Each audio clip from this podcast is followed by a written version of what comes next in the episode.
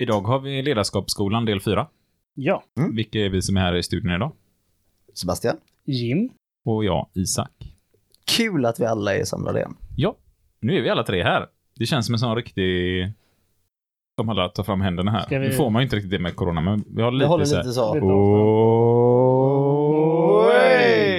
Så, nu är vi igång. Big fucking deal. What the fuck are we doing out here? I ask you, what in the fuck are we doing here? So what's the big fucking deal? What the fuck are we doing out here? I ask you, what in the fuck are we doing here? så. Hur har veckan varit? Bra. Ja. Tack som frågar. Ja, vad har du gjort då? Mitt i klunkan. Jag Jag frågar trodde Jim inte jag istället. skulle få en Jim, följdfråga. vad, vad har din vecka varit? Jo, men det var bra. Du går ju Jag- på semester på fredag. Ja, precis. På fredag går jag på semester och... Det vill säga för två dagar sedan, nu när det släpps. Ja, exakt. Ja, Så nu, alla lyssnare, så är in på semester. Mm. skönt. Vad gör du nu då, när lyssnarna lyssnar på det här avsnittet? Jag är nog ute på landet och bygger klart det sista på våran campervan. Ja, och sen ska du iväg med den. Ja, precis. Kul. Mm, ska bli kul. Vart Vad- åker ni? Vi ska eh, åka runt och kolla på vattenfall i planen. Eh, Elföretaget? Då ska jag... faktiska vattenfall. De, de lyssnade på den här TLC-låten Chasing, Wa- Chas- Chasing Waterfalls. Waterfalls. Den ska, den ska gå runt hela tiden. eh. Chasing. Nej, men så blir det hela vägen upp till Jämt- Jämtland och så ner igen. Och så tar vi några fall på vägen. Vad... Det låter som ni ska, när du säger så, vi ska Ta några fall på vägen. Alltså så här, många kommer stupa. Vi kommer inte Alltså, alla nå tillbaka Fel! hem. Jag tänker mer Scooby-Doo. De åker runt i en skåpbil fall, ja. och löser Just fall hela vägen hem till Kommer ni Göteborg. ha med en hund? Nej, Nej. jag tål inte hundar. Annars hade vi nog kunnat få med En min liten, bror en liten kissekatt. Men det blir inte lika spännande som Scooby-Doo då. För jag tror ändå att det är Scooby-Doo som gör mycket av serien. Mm. Det som heter Scooby-Doo. Ja, men dels det, och dels att det är liksom så här, va? En hund som löser brott? Som kan tala. Och uppenbarligen är påtänd. Det, det får stå för dig. Ja. Ja. Ja. Han vill bara vara Scooby Snacks, det jag bara säger det. Vad har du gjort Sebastian i veckan? Jag arbetar. Jag går inte på semester förrän nästa vecka. Det vill säga den veckan som vissa av er lyssnar på nu. Går jag på semester på fredag. Som kommer. Det känns så väldigt konstigt att prata i framtiden. Ja, och sen är det lyssnare som lyssnar på det här avsnittet ett halvår efteråt också. Så att det, Precis. Då tänker de så här, va? Går de? Men det, är- det är mitt i sommar nu. Måste jag gå på semester kommer de ställa sig frågan då. Varför går alla på semester i liksom augusti? Eller det låter inte alls konstigt. I oktober? Mm, om de lyssnar i oktober. Mm, precis. Ja. 2021. Du som lyssnar, vi, vi ska på semester och det är mitt i sommaren. Ja, Och det är ganska det. oväsentligt för dig som lyssnar. Det är det här vi försöker kalla lite kallprat. För att det ska kännas som att vi, ja, på något sätt känner varandra. Mm. Och det, ja. Mm. Men det, vi, Vi gör inte detta i syfte att manipulera dig som lyssnar, utan det är... Vi, Och tro att vi känner varandra. nej, Vi känner ju faktiskt varandra också. vi känner varandra. Ja. Och vi hoppas att ni ska ändå tycka att ni känner oss lite grann nu. Och ni får jättegärna skriva till oss så att vi lär känna varandra lite mer. Och det uppskattas när lyssnare har gjort det. Jag är rädd att jag lät jättedryg nu igen här. Nej. Så det det är här gör vi för att manipulera er så att ni ska tro att ni känner oss. Skicka gärna pengar. Du sa ju nej. Det Swisha gärna. Vi tjänar ju inga pengar. Ingen har Nej, skickat några det pengar. inte. Så det är ju lugnt. Och vänner har vi inte heller. Vi har varann. Vi har varandra. Det är tur att vi har den här podden så vi kan träffas. Ja. Vad ska du göra i sommar? Ehm, jag ska... Det känns som jag redan svarat på detta. Mm. Jag ska bygga carport. Mm. Men också en lekplats. Kul. Ja. Gött. För barnen. Med, med carporten Eller- alltså. Lekplatsen blir kul för dig. Den blir kul för mig. Ja. Carporten blir kul för dem, för då har de ju någon, lite tak att stå under när de ska tvätta bilen. Åh, gud vad bra. Medan jag åker rutschkana. då. Mm. Ja. kom, kom se till pappa. Det var dåligt skämt. Jag tvättar givetvis inte bilen. De som sett min bil vet att den inte tvättas. Men eh, de hade kunnat stå där och tvätta bilen. Ja. Mm. Tekniskt sett så hade de kunnat det. Mm. Men det är gud förbjuder dem att göra det. För jag, helt ärligt, går man på den med en högtryckstvätt så tror jag mycket av plåten åker med. Ja. Har du lagat den själv? Jag har faktiskt gjort det. Men eh, jag har kollegor som har lagat den. Mm. Jag köpte den här efter jag blev liksom facklig och inte skruva längre. Så blev jag ju påkörd utanför Sebastian faktiskt. Och då var det en sån riktig hjälte som stod och rökte i ett fönster klockan fyra på natten, typ en tisdag. Och såg när detta hände. Och Mm. lämnade en liten lapp på min bil att det var en som smet med regnummer och allting. Det var starkt. Han ringde mig och talade om det. Jag har sett, jag tog regnummer och allting. Och då är man glad att det står folk och röker på balkongen klockan fyra en tisdag natt. Liksom. Mm. Det är mina grannar det vet du. All heder till dig, kära mystiska man. Ska vi köra igång Fire-modellen? Ja, nu har vi spårat ut. Idag ska vi prata ledarskapsskolan och vi ska prata FIRO-modellen. Eller Fundamental Interpersonal... Det var svårt att säga det. Fundamental Interpersonal Relationship Orientation av eh, Will Schutz. Tur att det är något annat namn som man kallar det. Lite Det, låter, det är lite enklare att säga FIRO-modellen. Det är alltid det man liksom säger när man står och håller föredrag på den här och folk frågar vad står det där för? Tänk man, så, vad hette du sa du? Kalle. Mm. Men det ska svara på Kalle. Då skriver man upp Kalles namn. Sen inte han, Du ger väl det läxa till honom till nästa är han dag? inte med på någon mer kurs. Nej. Nej, det var jag som slank på tungan där. Men det står alltså för Fundamental Interpersonal Relationship Orientation. Men antagligen har man väl tyckt att det var ett lite långt namn, så man kallar den helt enkelt för FIRO. F-I-R-O. Härligt. nu sitter Sebastian och skrattar här med. Sent på kvällen när vi spelar. Vad hängde du upp det på Sebastian som, som du fortfarande skrattar åt? Förbannade jävla Kalle som alltid ska gå för kursen och förstöra. Ja, men så hade man ju kanske tänkt om man hade en låg självkänsla och stod och föreläste att någon försöker sätta ens på plats, att man blir irriterad. Så. Man känner sig själv bäst, eller hur är det? Ja. Ja. Men, eh, ja, alltså FIRO-modellen då av Will Schutz togs fram 1958.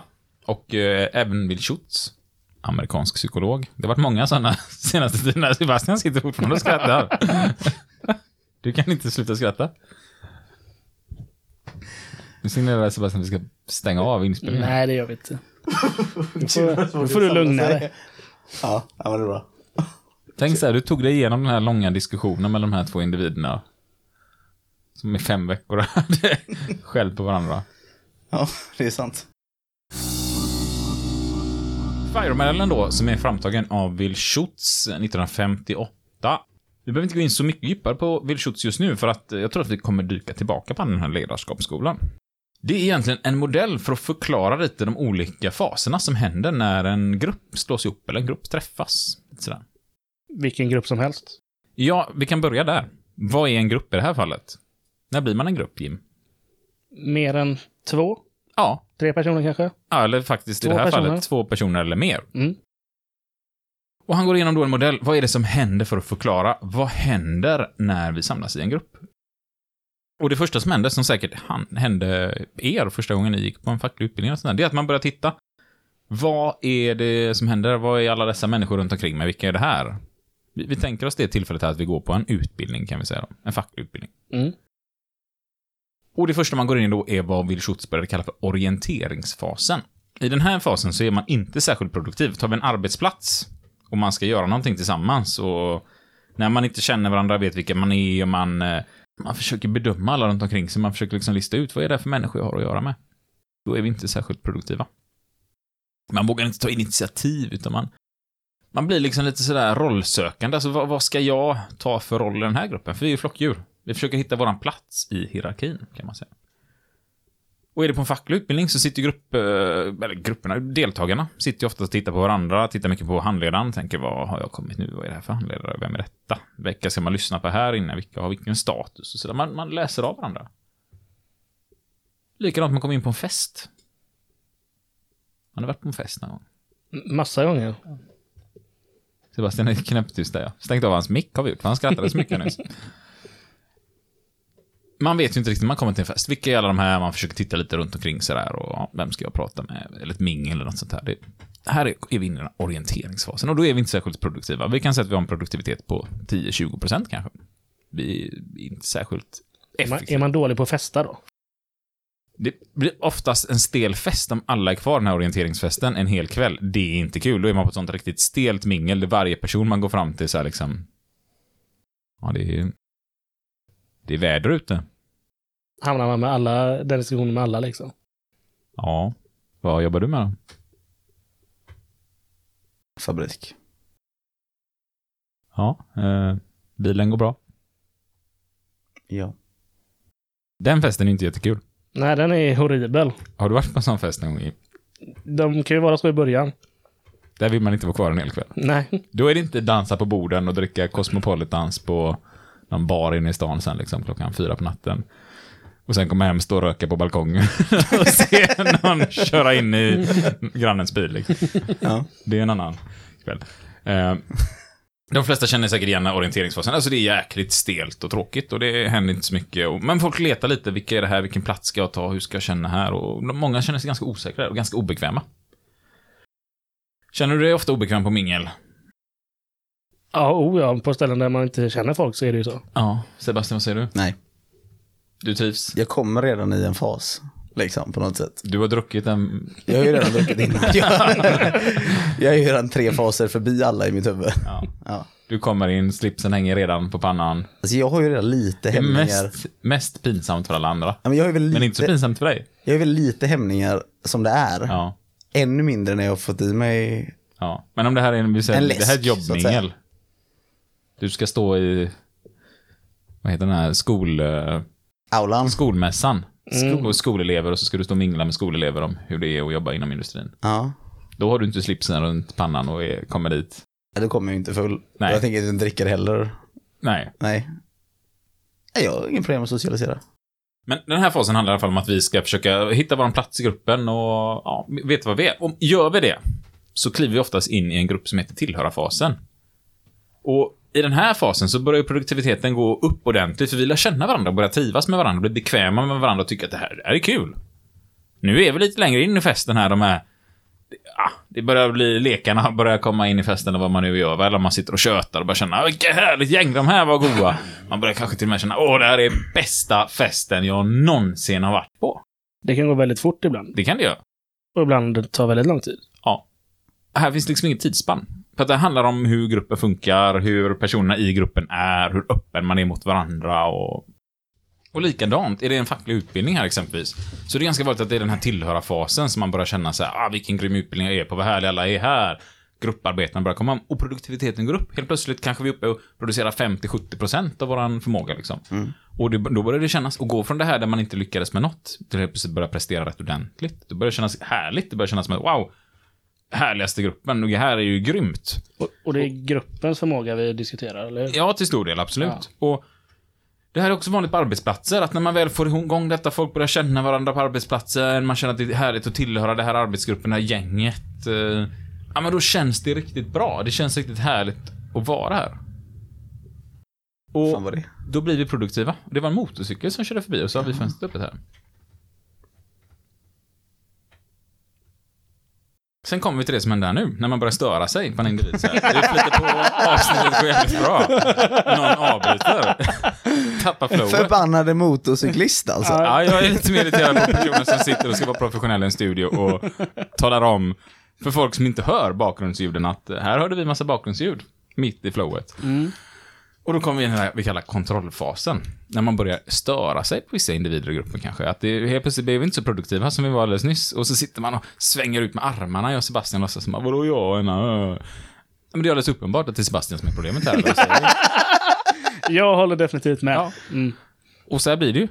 Det kan bli så på en fest, jag vet inte vad det är på fest, att det blir så här, det kanske man är av fel kompisar, men på en arbetsplats eller en facklig utbildning, att att man bara stör sig på någon annat till slut. Det var inte så här härligt och fantastiskt som vi precis kände, så här, att det här är den härligaste gruppen någonsin. Helt plötsligt, ja, det var ganska härligt, men han den Sebastian alltså, han är lite jobbig. Han ska ta lite plats, eller lite för mycket plats hela tiden alltså. På festen börjar ju bråken här. Ja, man kan inte, men lägg ner nu, var lite tyst, herregud, lugna dig kompis, liksom. Ja, vi hörde att det var en motorcykel, men vi är också mitt i en podd. Sitter han och hånskrattar åt det här också. Eller på en arbetsplats, att åh, hela gruppen funkar så bra, alla sliter, men inte han.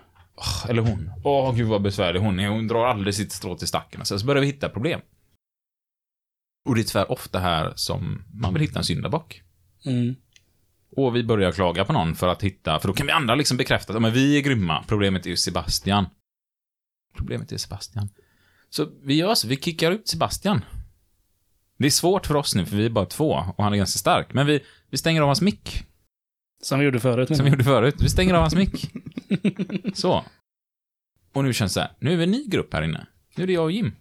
Och vi går tillbaka till den här tillhörarfasen, för nu helt plötsligt, vi går tillbaka till orienteringsfasen. För nu helt plötsligt är det en ny grupp, det är bara jag och Jim. Och nu ska vi hitta våra roller igen, för nu känner jag sen, då kan jag ta Sebbes plats och vara den där lite roliga. Skoja till det lite. Ja, och Jim känner sig, men bra, då tar jag på mig rollen som Isak hade innan. Som den som ska köta ännu mer än Sebastian. Och så hittar vi några nya roller och så börjar vi känna att nu har vi ett flow igen. Nu går det riktigt bra. Nu har produktiviteten kommit igång i podden. Nu jävlar känns det bra. Vi tillhör för den bästa podden någonsin. Ja, fan vad gött det vi känns. borde satsa på sån solokarriär, eller du och jag. Duo... Duo. Fuck you duo podcast, som den ska heta. Ja. Och där är det liksom jag och Jim, bästa podden någonsin. Tills helt plötsligt jag börjar störa mig på Jim igen då, för han skriver på tok. För konstigt manus och alldeles för stora ambitioner och herregud vad han... Jag tar över världen med podden. Ja, men han vill att vi ska strukturera upp. Vem vill det egentligen? Vem vill strukturera upp saker som ska vara roliga? Det är, så, det, det är verkligen så här. Är det mycket sanning Nu har vi kul. nu? Så här? Ja, men då vill jag strukturera det roliga.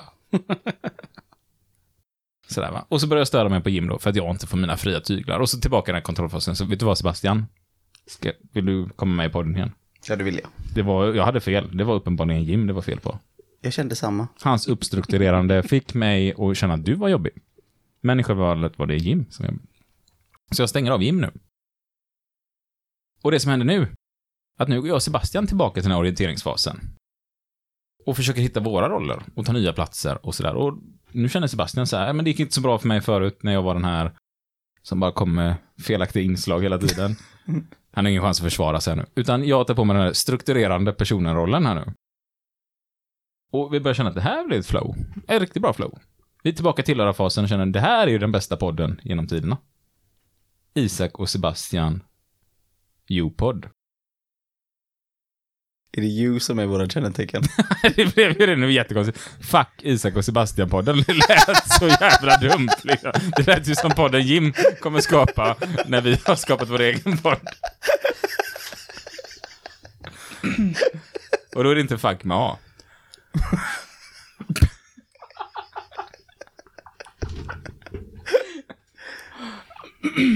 Jag hoppas du som lyssnar inte tycker vi är allt för oseriösa här, för nu, det är lite syre i den här lokalen och klockan är jättesent på kvällen här. 22.43 står klockan på det. Vi kommer in i den här tillhörarfasen, känner att det här är bästa gruppen genom tiderna, men plötsligt ser det fel på varandra igen. Och det är ju det här läget när vi börjar hitta de här felen och vi börjar hitta syndabockar och försöka klaga på någon. Mobbing kan dyka upp. Det dyker upp att man försöker göra sig av med folk på en arbetsplats. Kanske man ser att produktiviteten går ner. För att det som händer under kontrollfasen är att det kommer upp konflikter och produktiviteten går ner. Och då tror man ofta som företagare att eh, ja, men det är dags att byta ut lite personal. Och så gör man det som vi sa och då går man tillbaka till den här orienteringsfasen. Och sen tillbaka till tillhörarfasen där det börjar gå bättre igen och snabbare än och vi producerar och så får man rätt, tror man. Ja, men titta, nu funkar det igen. Resultatet är med oss. Men om en stund så kommer vi komma in i den här kontrollfasen igen om vi inte har rätt ut konflikterna. För det vi vill göra i den här kontrollfasen, det är ju därifrån vi vill gå vidare och utveckla vår grupp. Det är ju här vi ska börja prata med varandra. Att, Oj, Sebastian. Och då är ju non-violent communication helt fantastiskt att använda. När du sa att eh, det var någonting som lät där utanför, då kom jag av mig.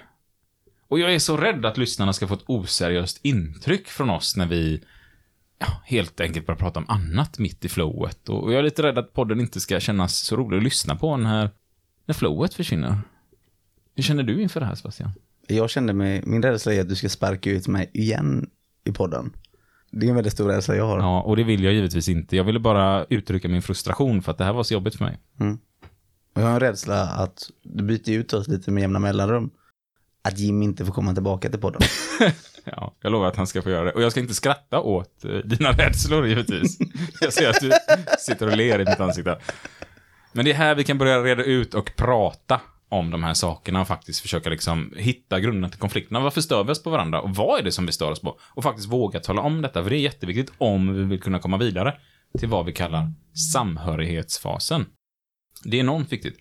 Och man kan säga att samhörighetsfasen, då har vi nått liksom den här totala produktionen vi kan göra. Så vi har blivit det bästa av våran grupp och vi är uppe i 100% produktivitet för att vara oss. Vi vet vart vi har varandra, vi vet eh, hur vi står inför varandra, vad vi tycker om varandra och det gör att vi kan lita på varandra och se varandras brister och acceptera varandras brister. Mm. Så vi backar tillbaka det här bandet här nu.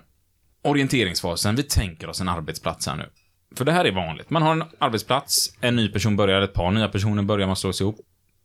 Man kanske har flyttat ihop två avdelningar eller något sånt, gjort stora omstruktureringar. Folk kommer inte känna varandra.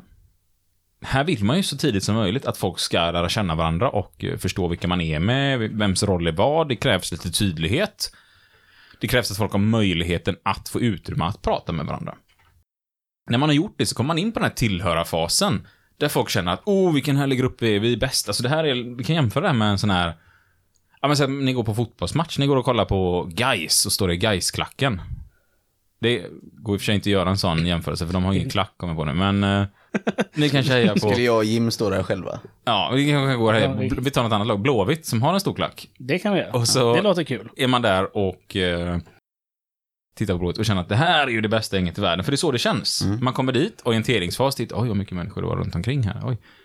Ja, men alla vi har samma blåvita tröjor på oss. Vad kul och vi älskar varandra. Och så ganska snabbt kommer in den här tillhörarfasen. Men jag tror ganska snabbt också att det skulle kunna komma in en kontrollfas om man skulle säga att ni 100 pers i klacken här nu. Kom, hjälp oss bygga ett fältsjukhus. Mm. Och så utser man ingen tydlig ledare och sådär. Ganska fort skulle det nog bli en kontrollfas, tro- trots att alla håller på samma lag och var där för samma kärlek från början. Eller vad tror ni? Vi hade löst det. Nej, det hade vi inte gjort. Hade det varit ett TIF hade det gått bra, men annars så blir det något Ja, tufft. och Gais har faktiskt en bra klack. Jag gillar många Gaisare faktiskt, så att det, Det får stå för dig. det får stå för mig. Men jag, jag, Sebastian. jag gillar dem. Jag gillar dem. Vi har nått samhörighet, jag och Jim, i vad vi tycker där. I alla fall. Och här vill man ju egentligen då på en arbetsplats att det är jättebra att man hamnar i det här där folk tycker om och, och det ska man försöka ta vara på och faktiskt det är faktiskt nyttigt att hitta konflikten här och faktiskt försöka lyfta upp de här konflikterna och inte tysta ner dem när de väl dyker upp och försöka, ja men vad jävla bra nyss, tysta det, tysta det, eller när man upplever att här blossar det upp konflikter, det är det man ska ta tag i och prata om och faktiskt reda ut på ett bra sätt och då finns det ju många bra metoder att göra detta på. Man vill skapa ett så öppet klimat som möjligt, där möjligheterna finns att tycka till och prata om det man tycker och tänker. Men det, alltså jag tror det här är jävligt vanligt alltså. Jag vet ju så många arbetsplatser jag har varit på där det alltid är bara om den personen inte var med så hade allt varit frid och fröjd där på arbetsplatsen. Man säger oftare, ja. Ja, det är den här kollegans fel och det är det ena och det tredje. Om bara den personen inte var där så hade allt varit så bra. Och man hör ju detta på fler ställen i samhället. Alltså man beskyller folkgrupper för att vara den felaktiga länken i ett land, eller klasser vara den felaktiga länken i ett land, eller supportrar inom en viss, eh, liksom sådär, om vi nu ska prata fotboll. Ja, det är stökigt på fotbollsmatcherna. Om det inte vore för de jävla AIK-arna så hade det inte varit så stö- Alltså det skylls hela tiden på Nu nickar ni så ni håller med det. Eh, Men man skyller hela tiden på folk och på andra. Och det är sällan man tycker att, ja men du, det är nog jag som är problemet här. Det var nog jag som kanske betedde mig fel eller gjorde något dumt eller inte hade förståelse för andra. Mm. Den hör man inte lika ofta. Nej. Men det här ska man ju reda ut om man vill komma vidare och faktiskt nå en riktigt bra organisation. Ja, men när man var singel så befann man sig ändå i orienteringsfasen. Man, man träffar någon, man börjar prata med någon, man, man diskuterar, vill veta liksom, vad är det här för person? Man liksom ställer sig frågor, hur kan ett liv se ut med den här människan? Vad tycker den personen om vissa frågor? Vad gillar de att göra på fritiden? Har vi samma intressen? Alltså man befinner sig ändå i orienteringsfasen. Ja, man försöker ta reda på vem är den här individen. Ja, och vill lära känna liksom. Man, man är lite osäker där i början. Man har varit på dejt, man sitter där lite spänd och nervös. Vad är det här för människa? En komplett främling sitter framför mig liksom. Sitter man på några dejter liksom. Och då kanske man poppar upp där i tillhörarfasen. Man blir lite kär. Det här verkar ju kul. Ja, men helt plötsligt innan man ens hinner förstå det så känner man den här känslan. Det är vi två mot världen. Mm. Men det är det som kallas nykär. Ingen annan är så bra som vi två är tillsammans. Ja. Alla andra relationer är konstiga jämfört med våran. Vi är så bra tillsammans. Ja. Och där har man ju varit. Tillhörarfasen. Jättekul. Och så kommer man lite senare, efter några dejter, man har varit det där, vi mot världen, folket. Så kommer man vidare till kontrollfasen. Det kanske när man flyttar ihop. Helt plötsligt så ska hela ens hem flytta ut och ja, helt plötsligt så får Jim halva ens lägenhet. De kanske lägger ut den där soffan du var så kär i. Just På det, vad grejer jag fick när du flyttade ihop. Ja. Jim kanske får hyllor och allt möjligt. Vem vet, det kan ju vara helt slumpmässiga Nya glas hemma. nya glas. Framförallt den där soffan. Kanske någon la ut på Ja. nätet. en stor ölstuvel i glas. Det är klart man kan ha den när man ska dricka. Kan Hur vara, kändes det Sebastian? det är bara några, det har inte hänt mig, det här har ju hänt någon. Det kan ju bara vara så. Ja, ja. Eh, man blir lite sur liksom, och sådana saker. Men man diskuterar, man måste ha kommunikation med varandra. Det är det som är så viktigt, att man säger att kommunikation är A och O liksom, i många relationer. Och man diskuterar. Och man ställer sig frågan, var det här verkligen rätt val? Och till Ja. slut så vill man, det här var rätt val. Ja, den nya soffan tycker jag ser bra ut hemma hos er. Snygg som fan. Inte lika skön dock, Den är inte lika skön, men den är fin. Den passar ert hem väldigt bra. har jag hört. Skulle kunna vara så, eller vad man säger. Då kommer man till slut till samhörighetsfasen när man väl har parerat de här frågorna liksom. Men i många relationer, man får ett nytt barn. Det är en ny spelare på planen. Vad händer då? Ja, då är man ju tillbaka i den här eh, orienteringsfasen där man ska ta reda på hur är vi nu? Hur är vi som föräldrar? För då hamnar man ju i den här orienteringsfasen på nytt. Man ska liksom märka av hur är du som mamma och hur är jag som pappa eller i vilken konstellation man nu bor i. Mm. Och så ska man försöka reda ut det här. Hur, hur är vi nu? Vanligtvis så kommer folk in i den här tillhöra-fasen igen. Mm.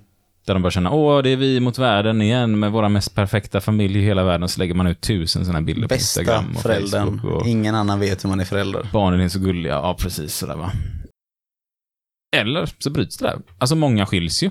För att man lyckas inte. Man, man kommer till den tillförarfasen så ganska snabbt går man rätt in i den kontrollfasen och så. Ja, men det är bara jag som tar det här snacket med barnen. Du tar aldrig något ansvar eller din pedagogik är fel eller vad det nu kan vara. Och där behöver man ju prata. Varför är den här pedagogiken det jag vill? Varför vill jag att vi ska uppfostra barnet på det här sättet? Vad tror jag med detta? Vad tycker jag är rätt? Man kanske behöver ta hjälp av någon som har mer kunskap på detta ämnet för att ta sig igenom sånt där. Därför kan du hjälpa till med familjejuridik, höll jag på att säga, men det heter inte utan... Ja, någon form av psykolog eller någonting som ska hjälpa, eller terapeut. Ja, men precis. Barn och ungdomspsykiatrin kan hjälpa till. Mycket sånt här kan hjälpa till.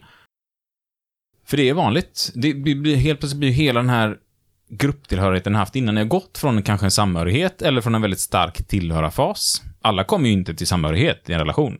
Nej. Jag tror att det är ganska få relationer som faktiskt kommer till en riktig samhörighet där man känner att ja, men vi är 100% öppna ärliga mot varandra och förstår oss på varandra och har accepterat varandras styrkor och brister. För det är det handlar om att komma till samhörigheten, att man på något sätt lär sig varandra in och utan till och förstår sig på varandra. Eller åtminstone vet varför vi gör som vi gör, eller kan fråga när det väl dyker upp, utan att attackera varandra. För det är också lätt att falla tillbaka till föregående steg. Ja, för har vi en gång varit där så tror jag att eh, det är mycket lättare att komma dit igen. För det, att, det var bekvämt liksom. ja men det här barnet kanske inte alla gånger kan påverka relationen så mycket, utan det är mer vi som får ställa om för barnet. Mm. Och då är chansen större att man kommer till den här samhörigheten igen. Men kontrollfaserna kan ju vara väldigt tuffa. Och det kan vara så att det bryts där. Och då går man kanske ut och så går man ut på den här krogen igen som du var på, där du hittade henne förra gången. Mm. Och hoppas på att hitta någon ny. Och det kanske man gör. Och så blir allting sådär fantastiskt igen och så kommer man in i den här tillhörarfasen igen nu. Nej, det är ju vi som är bäst i världen. Jag och den nya. Och herregud, nu har jag fått det bevisat för mig. Det var ju hon innan det var fel på. För nu är jag ju lycklig igen. Och det är ju bra igen och allting är fantastiskt igen och sådär. Och den här soffan kanske man hittar på annons igen och kan köpa tillbaka. Jag hoppas inte det är så i ert fall här. Nej. Nej. Och det är ju det här tillhörarfasen, att man kommer dit och då känns det så fantastiskt igen. Men jag tror att har man en gång varit i samhörighet så känner man kanske inte att det här tillhöra är lika starkt som samhörighet. För då tror jag man kommer sakna det. Att ha någon man verkligen kan vara 100% öppen med. Och ganska snabbt här så kanske man kommer in i den här kontrollfasen igen. Och simsalabim är man tillbaka på orienteringsfasen då. Om man inte lär sig metoder för att ta sig igenom en kontrollfas. Mm. Alltså jag tror det, det här är varför många föräldrar, så fort de skaffar sitt första barn, sätts på prov. Jag tror det här lite med personligheter, som vi kommer att prata lite mer om sen, i framtiden, är så viktigt här. Att man kanske inte orkar lägga sin energi, för att när man är i tillhörfasen så kanske man vill på ett annat sätt. Man orkar inte, liksom, kanske när man är i kontrollfasen, lägga fokus på att jag ska också vara den här personen för den här människan som jag är tillsammans med. Ja, för där kommer också självkänslan spela enormt stor roll. För att om jag går med tanken att min eh, älskade älskar mig oavsett vad, oavsett hur, och sen vacker dag blir jag tillsagd att jag är så trött på det här och det här och det här och det här. Mm. Då är chansen stor att jag kommer få en rubbad självbild. Och det finns ju personer som befinner sig i orienteringsfasen, går tillhöra, man kommer till kontroll, det kanske inte riktigt funkar där, man kanske blir ovänner och sådana saker.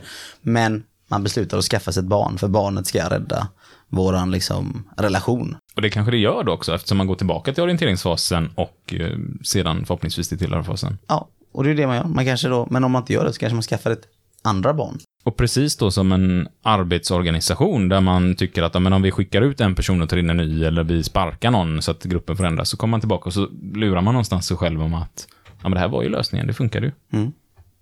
Och det här kan man så tydligt se i kriminella gäng, att man försöker utnyttja den här modellen och eh, hela tiden se till att hålla folk i tillhörarfasen genom att så fort det börjar blossa upp minsta lilla konflikt, gärna innan, så tar man in en ny person eller flyttar runt personer så att man ska komma tillbaka till den här orienteringsfasen och ingen ska riktigt ifrågasätta utan ta sin plats. Och sen komma in i den här tillhörarfasen där det känns så viktigt att vi håller ihop igen. Och så använder man det på det här sättet. Och det är likadant på en arbetsplats där man inte riktigt får till den här tydliga gemenskapen. Att man försöker utnyttja den här modellen och tror nog innerst inne att nu är vi effektiva. Men det finns så mycket mer potential. Och då är det viktigt att egentligen man tränar upp sin självkänsla så att man kan komma förbi den här kontrollfasen och kan försöka uppnå med familjens samhörighet. Ja, för det kan ju vara svårt att ta den diskussionen. Om det nu är så att det är dålig andedräkt som är det stora problemet i relationen. Och så kommer ni ihåg min historia där om att jag inte vågade säga till en kollega att han hade dålig andedräkt. Mm. Alltså då bör man ju ha tränat upp sin självkänsla för att överhuvudtaget kunna ta den. Och det är lika viktigt att båda i ett förhållande får möjligheten att träna upp sin självkänsla. Mm. Verkligen. Att man försöker hjälpas åt med det istället för att bara bekräfta ens prestationer hela tiden. Att faktiskt tala om att jag tycker om det oavsett. Ja, men jag tror det är så vanligt att, eh, att man, man kanske glömmer den här kommunikationsbiten, att man glömmer kanske varandra i relationen, att man bara tänker på den nya spelaren, då, det vill säga barnet i en sån relation exempelvis. Att det är den man måste hela tiden se till, men man glömmer sin relation. Jag tror det är väldigt viktigt med kommunikation på alla sätt och vis i det här fallet.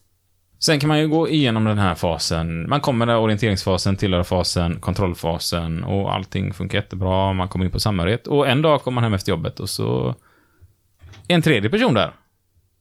En till man exempelvis. Mm. Då är vi åter tillbaka till det här. Nu är vi tre i det här förhållandet. Då är vi tillbaka till orienteringsfasen. Hur ska vi ställa oss nu? Det blir nog jobbigt om man inte är beredd på det här. Det blir nog väldigt jobbigt om man inte är beredd på det, tror jag. Ja. Och där tror jag många relationer Det är nog många som tar slut där. går isär, va? Och då får man ju ställa sig själv frågan, är jag beredd överhuvudtaget att leva med detta? Och det kanske man gör då och tycker att, ja men det här, och så efter en stund, ja men det här är ju en fantastisk härlig grupp. Eh, Och så Har, kommer har det här hänt någon av er någon gång? kontrollfasen. Nej, det har jag faktiskt inte gjort. Det, Nej, nej, det inte kanske mig är därför jag skämtar om det nu så här. Mm. Kanske inte hade kunnat göra annars, på samma sätt. Det är klart att det är någonting som verkligen kan krossa en fullständigt om man är inne i den här samhörighetsfasen och det händer. Precis som ofta arbetsplatserna utnyttjar den här FIRE-modellen, vad de tror är utnyttjar den. För att de, de, när det kommer till kontrollfasen så vill man göra omstruktureringar, sätta in en ny chef, flytta på lite individer så att det ska gå tillbaka till den här orienteringsfasen igen. Och så ska vi komma in i det här där vi blir lite förälskade i varandra. Att vi känner att åh, den här gruppen, det är så roligt och produktivt att vara här.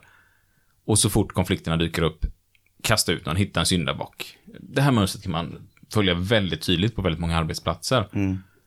Och man kan känna igen det att i orienteringsfrågan då kommer mycket sådana här frågor. Var har jag hamnat? Vilka är detta? Vad är det här för grupp? Vad är det vi ska göra? Hur kommer det här funka? Så man är väldigt frågande till allting. Sen börjar man känna det här, vi är grymma, vi är bäst, härligaste gruppen, hoppas det här fortsätter för evigt, gud vad det flyter på. Och sen kommer det här, åh, jag är så trött på, eller på de här. Eller, det borde vara jag som bestämde här. Eller, om inte bara hen var med hade allting funkat väldigt bra, va? Mm. Och kan vi ta oss igenom till den här samhörighetsfasen då, då brukar man känna så här, men här känns det tryggt, säkert. Vi kanske inte är perfekta, men vi tar med fram perfekta tillsammans. Känns bra. Och metoder då för att ta sig till den samhörigheten.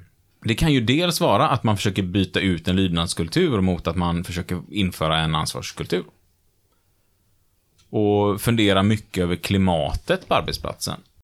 Och jag tänkte nu vi ska göra ett sånt här litet test som du som lyssnare kan hänga med i här också. Där vi tar lite skillnaden på det här lydnadskultur kontra ansvarskultur. Och sen kommer vi prata lite kring det och varför det är så viktigt att ha det här på arbetsplatsen. Om man vill ta sig till samhörighetsfasen och bli så produktiv man kan. Mm. Och det här kan vi använda när vi har kurser, vi kan använda det i våran fackklubb, vi kan använda det på ett möte. För det här är liksom i mötestekniken ganska viktigt om man vill få ett möte att flytta på att de som kommer på ett möte känner att det är faktiskt är mötesdemokrati. Mm. Och jag tänkte så här, vi, vi kan väl ta liksom prata om de arbetsplatserna som vi ofta upplever att våra kursdeltagare är på. Hur brukar de uppleva sina arbetsplatser? Så kan vi börja med den här första frågan så vi har någonting att diskutera kring då. Alltså, styrningen. Vad har man på arbetsplatsen? Är det regler? A. Eller B. Mål och riktlinjer man strävar efter? Vad tycker ni att ni brukar höra från folk? Regler. Ja, regler skulle jag också säga. Man har säkert uppsatta mål, men det är, de är ju i verkligheten regler. Ja. Att det, det blir liksom en regel att du måste uppfylla målen, annars har du felat. Liksom. Ja, precis. Och då är det ju inte ett mål, utan ett mål är ju någonting man gemensamt sätter för att ha någonting att drivas mot, som båda tycker att det här är vår ambition tillsammans, det här är vårt mål tillsammans. Mm.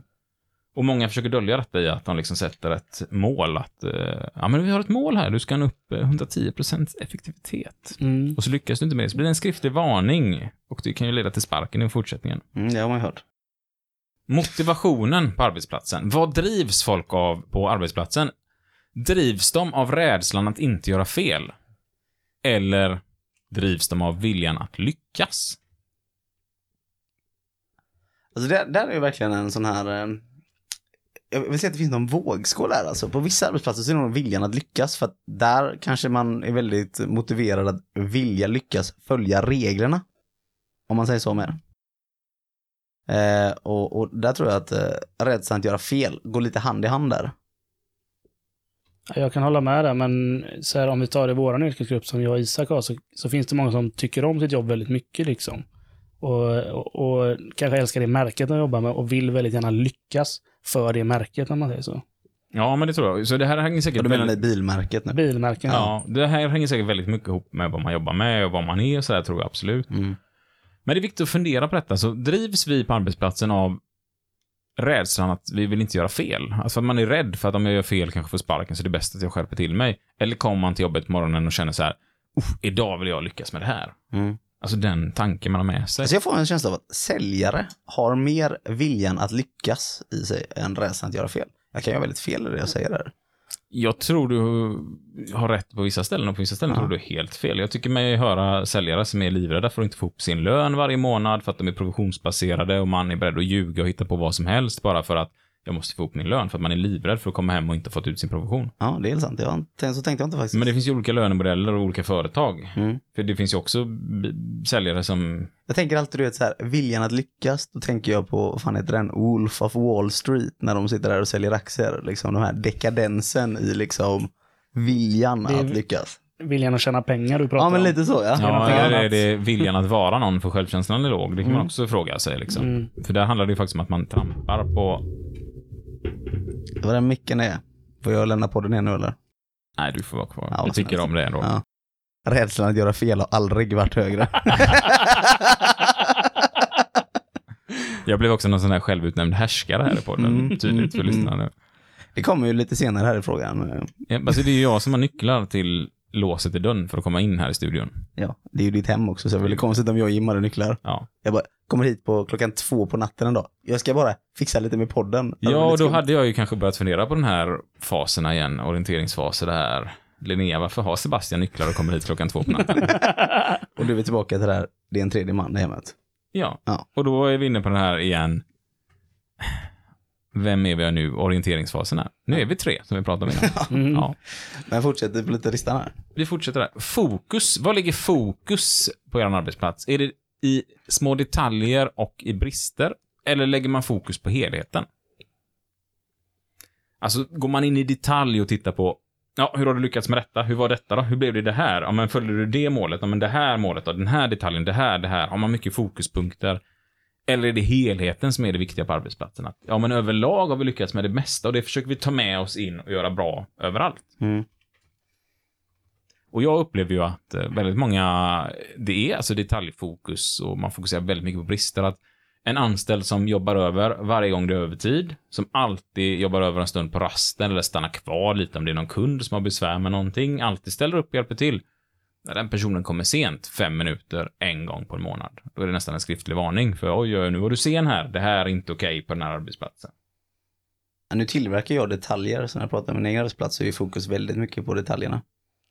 Men eh, i övrigt vill jag ändå säga att det är helheten som man fokuserar på faktiskt. Och nu gled du lite in på din egen arbetsplats, Det gjorde jag. För just den lilla ordvitsens skull. för detaljernas skull. Ja, Ja. för detaljens skull ja. ordningen. Handlar det om att man ska ha disciplin eller möjligheten till en dialog? Är det lydnad som är viktigast där? Det blir nästan det, hörs tydligt att det är lydnadskultur. Eller är det viktigt att man kan ha en dialog och prata om saker och ting på arbetsplatsen? Och hur här, saker och ting här har man ändå ganska olika. På vissa arbetsplatser har man ju samtal, alltså arbetsplatsträffar där man ska ha dialog. Mm. Eh, och och där, finns, där finns det ju fördelar. Liksom. Ja, och så länge man då inte har en tystnadskultur, att vi, ja, men vi har våra möten. Ja, precis. ajabaja, den som säger någonting. Va? Mhm. Där vet jag att många inom Kommunal lyfter upp det här med deras arbetsplatsträffar. För det är oftast liksom deras sätt att ha dialog med sin närmsta chef. Och det är också liksom deras sätt att få information när man egentligen godkänner ganska mycket av det. Ja, där är vår budget. Vad tycker ni? Kulturen är då att, ja, om ingen annan säger någonting så är det ju bara du som är förtroendevald mot alla andra. Det är så chefen oftast tolkar det. Och då är man tillbaka till, ja, disciplin. Ja, Det absolut. blir inte så mycket dialog trots att forumet är skapat för just dialog. Ja. Och det för oss in på nästa steg, relationer. Är relationerna på företaget hierarkiskt uppbyggda eller jämställt uppbyggda? Alltså hur är det? Kan vem som helst ta tag i vdn eller prata med någon annan? Eller är det liksom en trappa att eh, gick du över mitt huvud nu? Det här är inte okej att du har pratat med mina chefer. Mm. Lite så här, hur är det uppbyggt?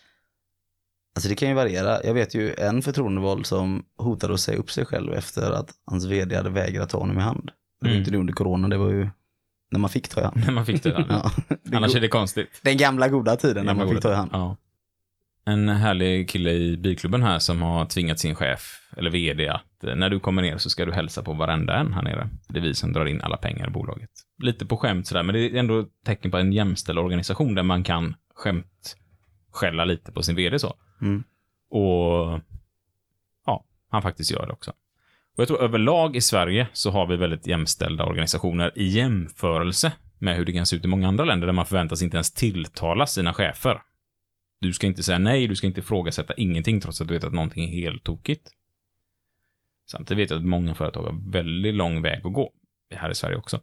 Ja, det hände ju mig idag, en sån här liten rolig historia som jag berättade för er förut. Om, eh, vi har ju en som kommer från ett annat land, där han har jobbat på en av fabrikerna vi har där. Varpå han kommer till mig då, han är vår kvalitetschef, och säger, du där, kan du hjälpa mig med en sak? Absolut, säger jag. Vad är det jag kan hjälpa dig med? Kan du flytta de här kartongerna och lägga i en låda? Jag bara, absolut. Och så står jag och fäller över lådorna och han står bredvid och kollar på när jag tömmer de här lådorna. Det var det mest... Det var ganska fascinerande att se där. Det är sånt där det känns som man inte riktigt eh, upplever. Nej, men då hade man nästan önskat att personen sa, kan du göra detta åt mig? Ja, det hade varit Inte mer okej. hjälpa mig. Nej, för det känns som när man hjälper någon gör man det lite granna tillsammans. Ja, Eller så är det för att man inte kan göra någonting. Att man säger, jag har brutit min rygg och är gipsad där från tårna upp till, och kan du bara ta upp min mössa jag har tappat på marken här liksom. men det är som när jag bad Jim att hjälpa mig att laga mitt nav på min bil när det gick sönder. Mm. Då hjälpte ju inte jag Jim så mycket. Ja, du kanske stod och peppade han i alla fall och räckte över verktyg och sådär, eller nej? Nej, Nej. Jim fick faktiskt gå och hämta och köpa cola till mig. Och så satt jag och jobbade på datan bredvid. Mm. Mm. Och då skulle du kanske sagt till Jim, kan du göra detta åt mig? Eller hur? Är det okej? Och vad hade Jim sagt då? Jag hade ju hjälpt, jag hade ju gjort det åt han ändå, ska vi säga. Ja. Men eh, Men det kanske inte hade stört Jim lika mycket Nej. om han var- valde att vara ärlig från första början. Och då är vi i den här orienteringsfasen, vi kommer in i kontrollfasen här. Ja. Och så står Jim säkert och tänker, fan, han som var så snäll och nu lurar han mig till att stå här och göra detta. Den jävla lömska Sebastian, va? Som så många andra jag, jag vet att han gjorde bra arbete, så det... Ja, det var... Jag jobbade faktiskt för någonting som jag och Jim höll på med. ja, men då kanske du hjälpte lite extra på det. Då. Vi hjälpte ju varandra, Ja. så kan man ju se det. Man kan också titta på det här med attityden till andra. Är den bedömande eller är den uppmuntrande? Alltså hur man talar om sina kollegor eller hur man pratar till sina kollegor. Är man fast i det här liksom lite machokulturgrejen? Man åh, lyckades du inte med det eller? Ha? Är det för tufft för dig? Är det för tungt för dig liksom? Dels det, eller bara de här små grejerna att man...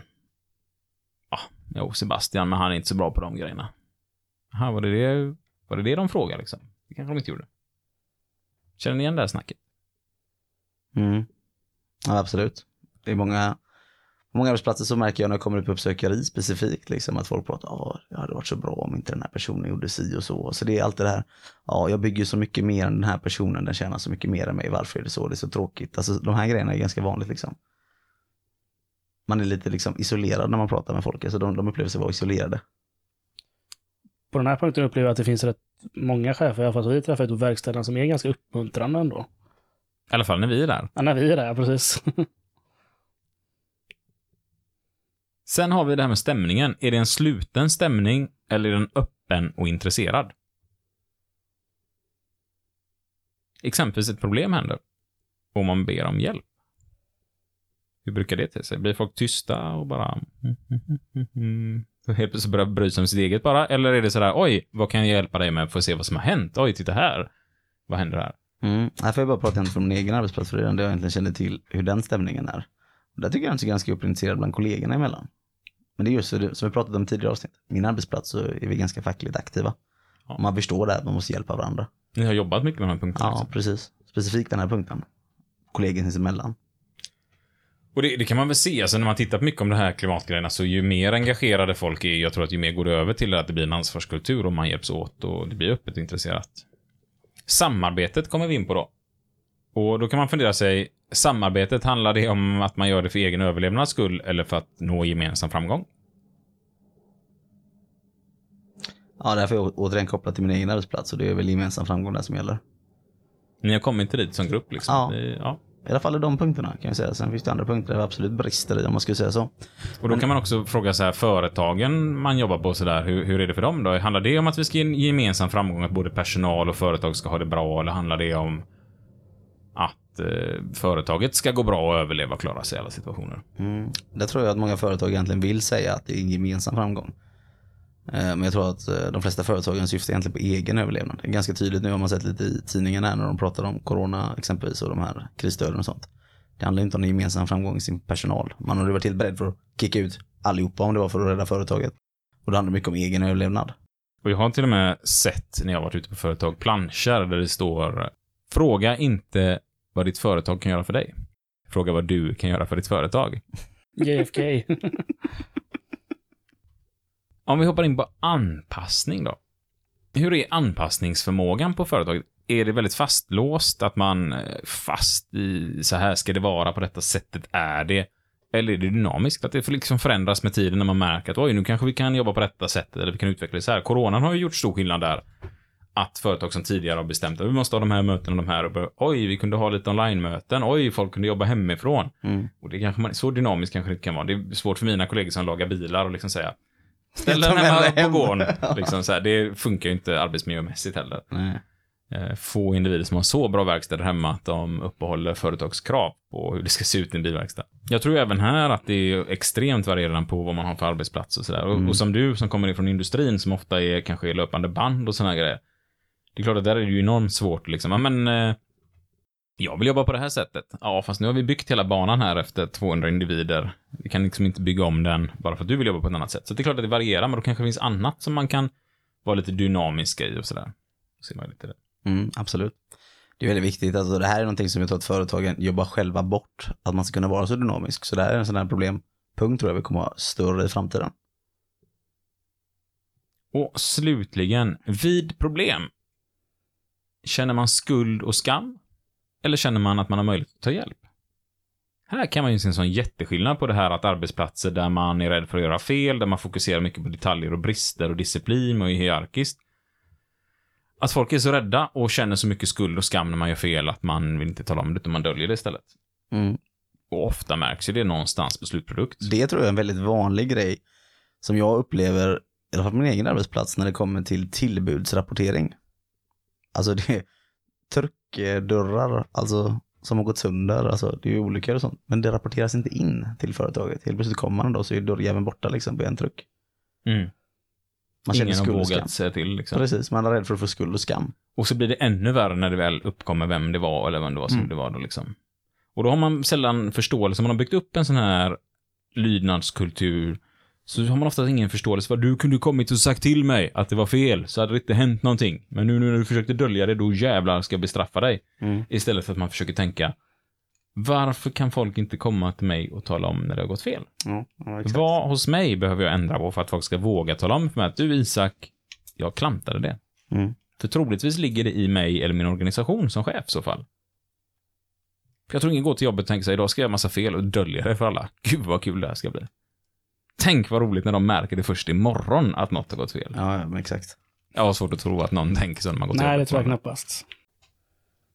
Och jag tänkte gå igenom det här lite nu då med lydnadskulturen och ansvarskulturen. Att När det finns en stark lydnadskultur i en grupp, det är då ofta det kommer fram rädsla och osäkerhet. Att man vill inte göra fel, man vill inte hamna utanför, man vill absolut inte bli någon syndabock och ofta får man prestationsångest. Och den här rädslan, den kan ju te sig på väldigt många olika sätt, men exempelvis då osäkerhet. När det blir mycket regler och det inte finns något utrymme för att göra fel, då vågar man inte ta egna beslut och då blir man liksom handlingsförlamad när man stöter på ett problem. För man vågar inte chansa på att det kan gå fel. Det gör också ofta att man vågar inte riktigt ta hjälp, för man vill inte vara den som går och frågar efter hjälp, för då kanske de andra skrattar och tycker man är dum eller inte fattar. Mycket fokus hamnar ju då på det här med jag får inte göra fel, jag får inte göra fel. Och eftersom vi människor tänker i bilder, våran hjärna funkar så, så att det här hör ni hur ofta som helst, men om någon säger så här, tänk inte på en rosa elefant. Och vad tänkte ni på? En rosa elefant. Jag tänkte på en rosa elefant. Ja.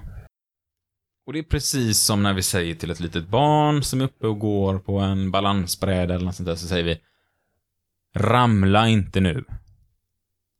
Och vad gör man då? Man mentalt målar upp en bild ut. Hur ser det ut när jag ramlar? Och så blundar man nästan och så kan man se sig själv ramla. Och bara man gör det av att sitta på en stol så trillar man nästan av stolen. Mm. För man börjar luta. Ja, så här lutar jag mig och så känner man faller. Jag kände det precis nu. Ja, du såg ut som du höll på att ramla av Ja, stolen. till. lite så. Klockan är väldigt mycket nu. Och det är ju idioti att säga till ett barn, ramla inte nu, när man inte vill att barnet ska ramla. Och vi gör ju inte det för att vara dumma.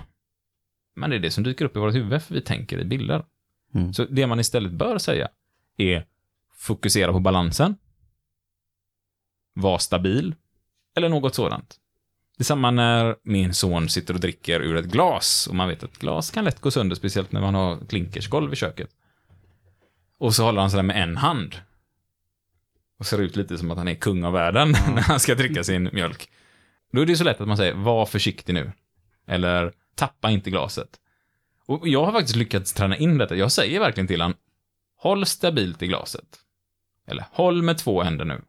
Och man ser ju hur hans lilla hjärna, mm, kramar åt glaset hårt med handen, tar dit den andra handen med en gång och gör detta. Men det händer ju att jag råkar säga, tappa inte glaset nu. Och då ser jag hur hans fingrar börjar så här. Nu ser ju inte ni som lyssnar, men jag ser hur fingrarna börjar så här släppa glaset nästan. Och så säger jag snabbt, håll hårt i glaset. Och så ser jag hur de kramar åt fortfarande. För att vi tänker bilder och det går blixtsnabbt. Men om man då tänker hela dagen på att jag ska inte göra fel, jag ska inte göra fel, jag ska inte göra fel. Ja, men då är det det man ser och det blir nästan som en eh, självuppfyllande profetia till slut att man kommer att göra fel. Och det ser jag ofta när man sitter i sådana här fall med misskötsel på jobbet och en person har fått en varning att, ja, och så tror de nästan själva, tredje varningen så åker man ut. Och så ser det inte riktigt ut, så funkar inte något system. Men många tror detta. Och så går de och tänker, jag får inte göra fel, jag får inte göra fel, jag får inte göra fel. Och det blir så mycket fel. I ett sånt läge ska man ju tala om, som företag, jag tror på dig, jag vet att du kan, för 90% av gångerna misslyckas du inte. Så jag vet att du finns där och det är det vi måste hitta hos dig nu, hur det ska bli bra kvalitet. Och ska man fokusera på det. Från och med nu vill vi ha bra kvalitet.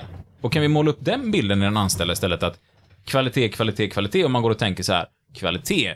Och så tänker man att man ska avsluta varje jobb med en kvalitetskontroll. Och de ska känna av kvaliteten på. Då tror jag man har mycket större möjligheter att lyckas med det här, än om man fokuserar på det här, du får inte göra ett fel till.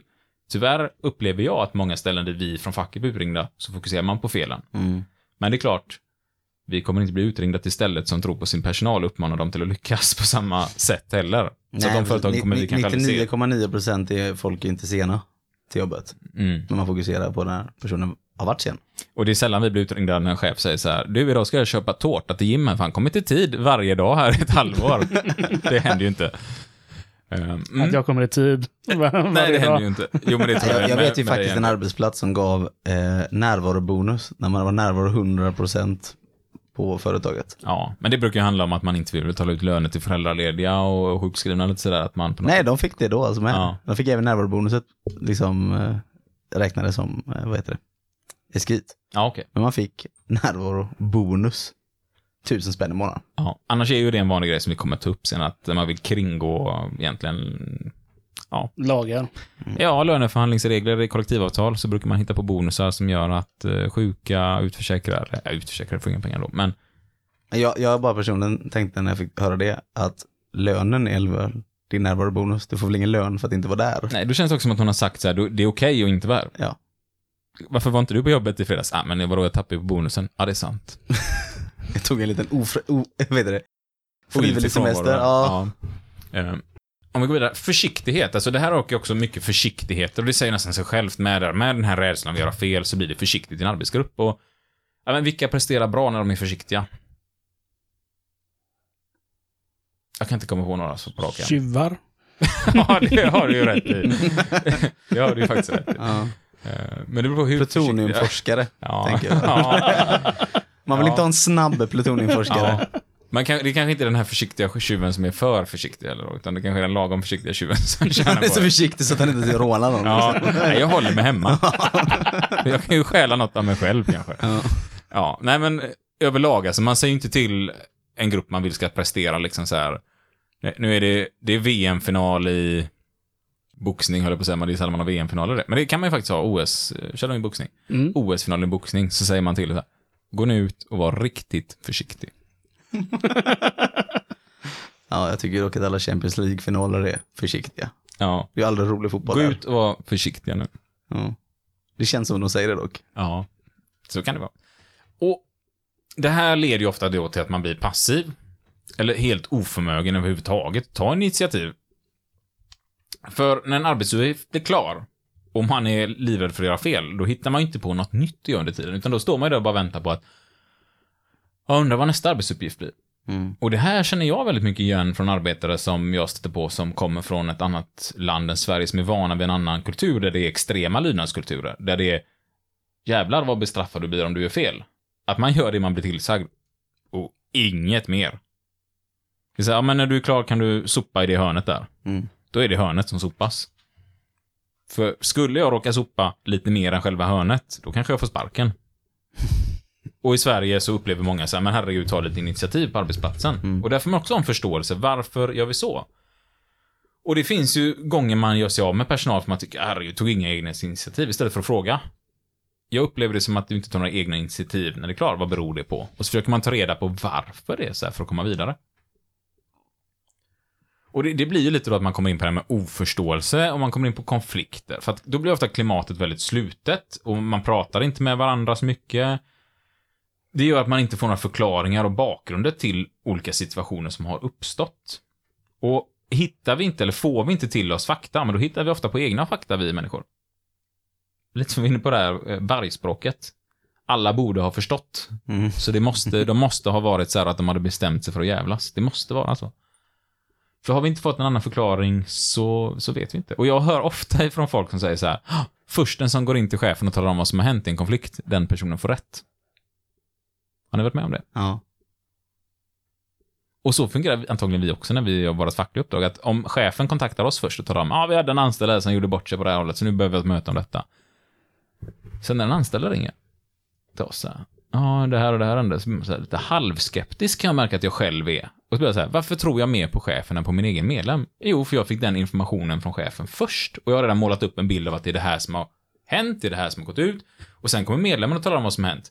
Då känner jag så här, Nej, men det här är information som inte stämmer med vad jag redan vet. Så här gäller det ju verkligen att lära sig av sig själv att jag vet med mig att när jag får information från någon så tror jag på den informationen. Jag behöver ta en paus där och ifrågasätta, ska jag verkligen tro på detta rakt av? Eller behöver jag kontakta medlemmen nu med en gång och fråga vad är det som har hänt? Att man blir lite medveten om att vi blir lurade, våra hjärnor funkar på det sättet. Har du varit med om det? Förr, inte längre. Inte längre, för Nej. du har kanske lärt dig detta, Ja. att eh, vi går på sånt Det är henne att säga. Alltså, det, det var mer, mer sånt i början. Och likadant kan det hända tvärtom, att en medlem kommer in och talar om det här och det här och det här har hänt och man blir helt så, "Åh, herregud, nu jäklar ska vi stämma arbetsgivaren på pengar, det här är inte okej. Och så går man in och så får man en helt annan historia från en chef. och så inser man, oj, vänta lite. Hänger inte ihop allting. Nej, men den är nog lite mer stämmer in på mig. Den stämmer in med. Ja, Så då var det så i alla fall. att man kanske någonstans så här, Så kan det vara. jag får lyssna av båda parter innan jag gör en bedömning och ställa lite kontrollfrågor till båda två. Liksom att, okej, nu fick jag höra chefen så här. Och många gånger kanske det är exakt så att båda två har rätt. Det var Ja. exakt så de upplevde situationen. Men sanningen ligger någonstans mitt emellan eller kanske 80% i någons för eller sådär. Ja, då är det chefens fel i alla fall. Men men man har alltid 100% rätt i sin egen uppfattning. Ja, Ja, bra sagt Tim. klokt. Ja, det är Anders Gustafsson som har sagt det till mig. Igen blir han hyllad där. Han blir hyllad hur Mm. mycket som helst på podden. Ja, kul. Vi har ju haft samma lärare där i Ja, precis. Vi gick i samma skola. arbetskommunikation, som det kallas. Ja. Mm. Det här i alla fall då med att vi inte riktigt förstår oss på konflikterna och hittar på egen sanning, det brukar leda till att man hittar, försöker hitta syndabockar. Att när konflikterna kommer fram så vill vi hitta en syndabock till det som vi kan skylla på gemensamt. Ibland för att skydda gruppen, ibland för att skydda oss själva. Och det här leder ju väldigt ofta till mobbing. Och återigen kan man säga att mobbing är extremt kopplat till kulturen i en grupp och det är extremt kopplat till individernas självkänsla i en grupp. Mm. Man har gjort ganska stora studier på detta. Och man kan se att personer som utsätter andra för mobbing är oftast personer med låg självkänsla.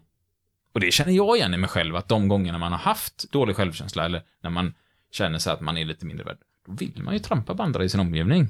Typ säga att ni får inte vara med i min podd. Ja, som jag gjort mot er båda idag. Mm. Och det kändes ju lite bra varje gång jag kickade ut någon av er. Ja. Hade jag idag haft väldigt bra självkänsla så hade jag ju varit lite ledsen varje gång jag behövde släppa ut någon från den här podden. Du tänkte fortfarande göra det i alla fall? Jag hade nog gjort det ändå, va? för att det var ju ni som var problemet där. Nej, det var ju bara för att statuera ett exempel. ja, det är därför ni kan lyssna på hans nya podd I Suck.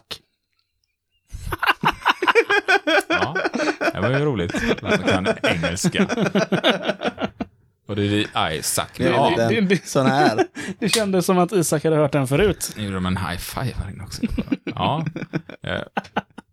När syndabockar och sånt där börjar letas, då börjar också rykten dykas upp. Och det är väldigt tydligt på arbetsplatser där man inte har ett öppet klimat att det går väldigt mycket rykten. Man hittar på väldigt mycket kring varandra. Och det blir alltid så, "Åh, för sprids det så mycket rykten här? Och då försöker man också hitta dem som syndabockar nästan i eh, personalen. Mm. Och man vill då belägga människor med skuld och skam. Eh, Gör det starkt hierarkiskt och man försöker hitta folk man kan skuldbelägga och skambelägga för att de har försökt hitta på lösningar eller försökt att fixa ordning problem eller försökt engagera sig. Eller bara utmanar de här personerna med låg självkänsla. Om det nu är en chef som har låg självkänsla exempelvis. Och man som anställd säger att det är inte riktigt bra sammanhållning här i gruppen, vi har ett bekymmer som vi behöver leta. Då ska det skuldbeläggas på den personen och lägga skam på den personen. Att du är besvärlig, oj, oj, vad du förstör för när du är kinkig, oj, oj, oj. Och vad lättkränkt du är och såna här grejer. Och ärligt talat, finns det något mer lättkränkt än folk som säger till andra att de är Att de är lättkränkta? lättkränkta. Nej. Jag och det kan bli en sån metagrej. Då kan man fråga, kanske är det jag som är mest lättkränkt då över att jag blir lättkränkt över att folk som är lättkränkta över folk som är lättkränkta? Oj, Men jag- jag vet många inte. steg det. Det Ja. är väldigt många steg här då. Men det, det är en sån här grej Och då man intalar sig själv, nej, det är de som är lättkränkta för att jag är lättkränkt, för att de är lättkränkta för att jag är lättkränkt. Ja. ja. Så kan vi hålla på så här en hel podd. Det är den, den, andra, den fjärde podden vi kommer att släppa sen. Lättkränkthespodden då i all oändlighet. Eh, nej men man kan börja fråga sig lite det här liksom att om man har sådana problem och tycker att någon är så lättkränkt, varför blir man så kränkt över det? Det är en fråga man kan ställa sig. till. Mm. Varför blir jag så kränkt över att någon är lättkränkt?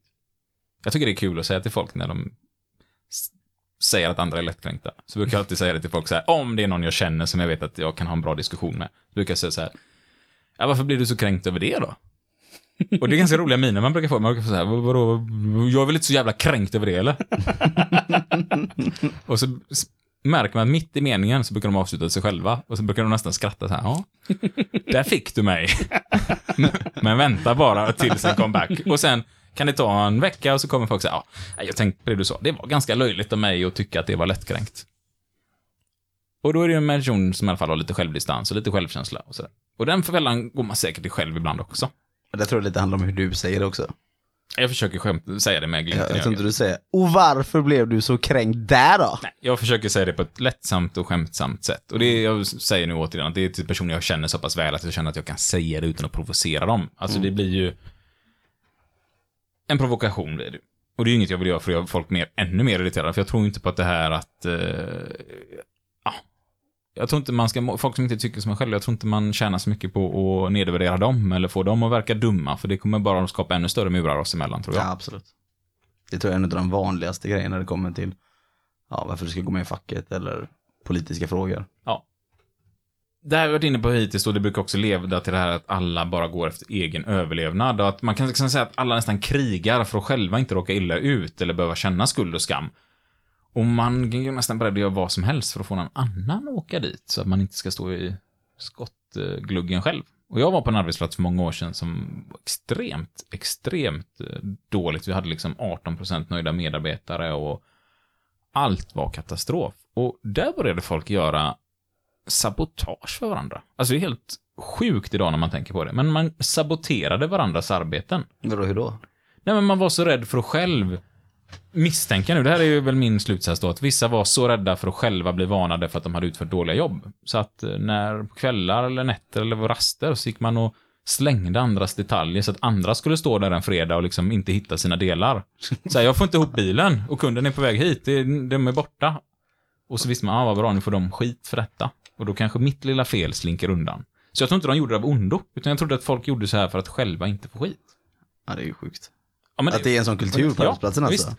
Och det var ganska starkt rotat. Och det var mycket av det här som vi pratar om, att det var en lydnadskultur på den arbetsplatsen. Och det var väldigt mycket skuld och skam, väldigt mycket hitta syndabockar, försöka mobba ut folk, det var mycket grupperingar. Alltså det var en fruktansvärd stämning. Och det var ju så illa att på en grupp, tror vi var 25 personer, så sa 15 personer upp sig till slut.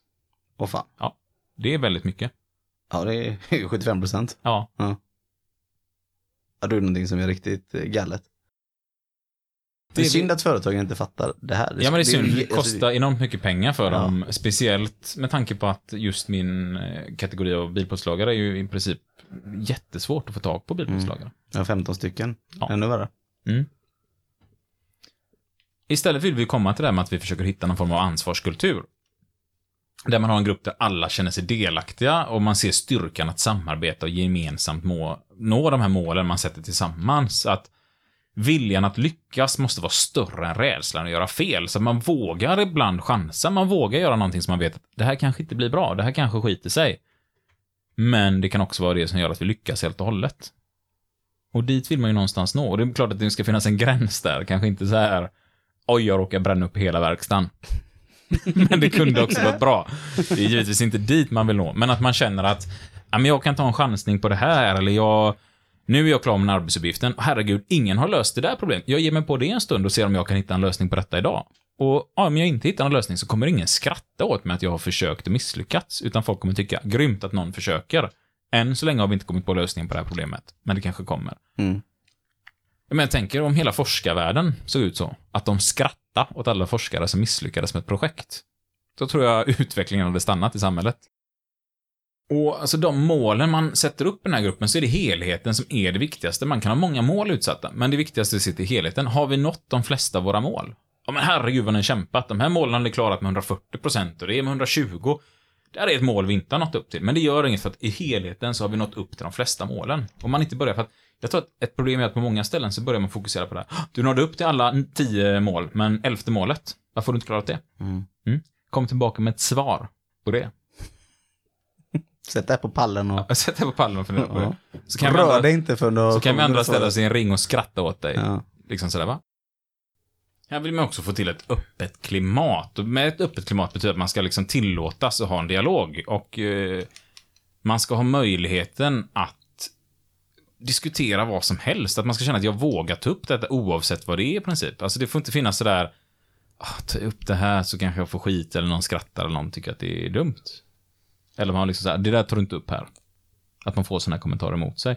Och det här hör man ju tyvärr liksom även inom våra fackliga organisationer, att folk trycks ner på det här sättet. Att man inte får ta upp problem på vissa tillfällen, att man försöker tysta vissa individer och jag tror att det är därför det har funnits stora konflikter inom arbetarrörelsen också. Mm. Man har olika sätt att se på det. Ja, man har olika sätt att se på frågor, att man inte diskuterar om igen, utan man försöker tysta stora grupper istället. Och det kan man ju se här på vissa arbetsplatser där det har funnits så här klassiska konflikter mellan olika falanger inom facket, eller vad man ska säga. Mm. Kanske politiska ideologier Ja, också. man kan säga att när de här väl börjar få diskutera saker tillsammans så närmas man och kommer överens till saker tillsammans. För det det är ju det hela vår fackförening bygger på, att vi ska alla vara på samma sida. Ja. Sen kanske inte allt blir som jag tycker, men har jag i alla fall först, fått förståelse för det, vad det är vi har gemensamt beslutat, så är det lättare att stå bakom det, även om det kanske inte är 100% vad jag hade stått bakom. Mm.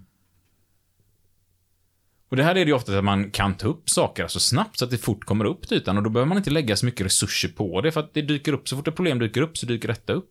Och det blir liksom inte det här att man går och håller på någonting länge, länge, länge och det blir ett jätteproblem av det. För det blir det ofta en liten, liten konflikt som jag går och håller inom mig väldigt länge. Den blossar upp och blir hur stor som helst. Mm. Och eftersom man som individ inte behöver tänka på sin egen överlevnad så kan vi fokusera liksom på vad, vad vill hela gruppen? Och det kommer leda till att vi får ett varmt klimat där vi lyfter varandra, där vi har möjlighet att lyfta problematik och missförstånd och få förståelse för hur vi har sett på saken. Och det kommer ju troligtvis att leda till att vi når alla de här målen vi tillsammans har sett upp istället för att hitta syndabockarna som gör att vi inte ska nå dit.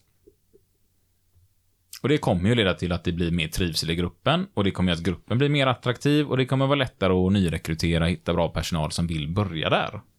Så att det- här kommer ju ge vinning på alla sätt och vis. Och för att då skapa en sån här ansvarskultur, ja, men då är det jätteviktigt med ett tryggt, öppet ledarskap.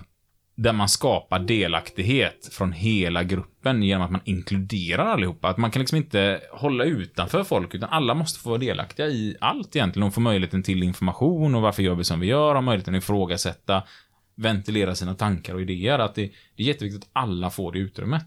Det brukar jag tänka på som är en individ som tar väldigt, väldigt mycket plats själv. Att de forumen jag sitter med i, att när jag har stått och babblat och dratt låda och hållit igång som jag oftast gör och tar kommando väldigt, väldigt fort, så vill jag att nu är det din tur att prata. Nu tycker jag vi går laget runt. Alltså i frågor som är ganska oviktiga så brukar jag föreslå att nu går vi laget runt. Vad tycker du om detta? Och en individ som säger så här, nej men jag har inga speciella tankar. Nej, nej, nej, men du kanske du inte har, du kanske inte har funderat på detta innan. Men rent spontant, hur känner du inför den här frågan? Mm.